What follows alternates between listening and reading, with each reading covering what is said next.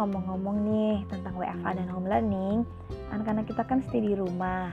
Nah, mau tahu tips-tipsnya apa aja supaya anak peka dan have fun selama tinggal di rumah?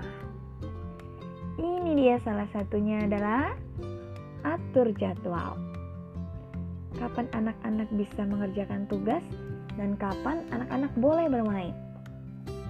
Yang kedua, jangan lupa luangkan waktu untuk bermain bersama mereka. Yang ketiga, kita cari aktivitas yang seru bersama anak-anak. Nih contohnya, kita masak bersama, nonton sama-sama, olahraga sama-sama, dan tidak lupa untuk berjemur sama-sama.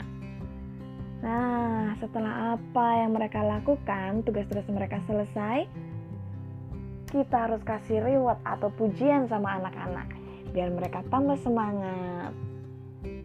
Hari ini cukup dulu untuk tips-tipsnya. Kita akan lanjut di berikutnya. Terima kasih.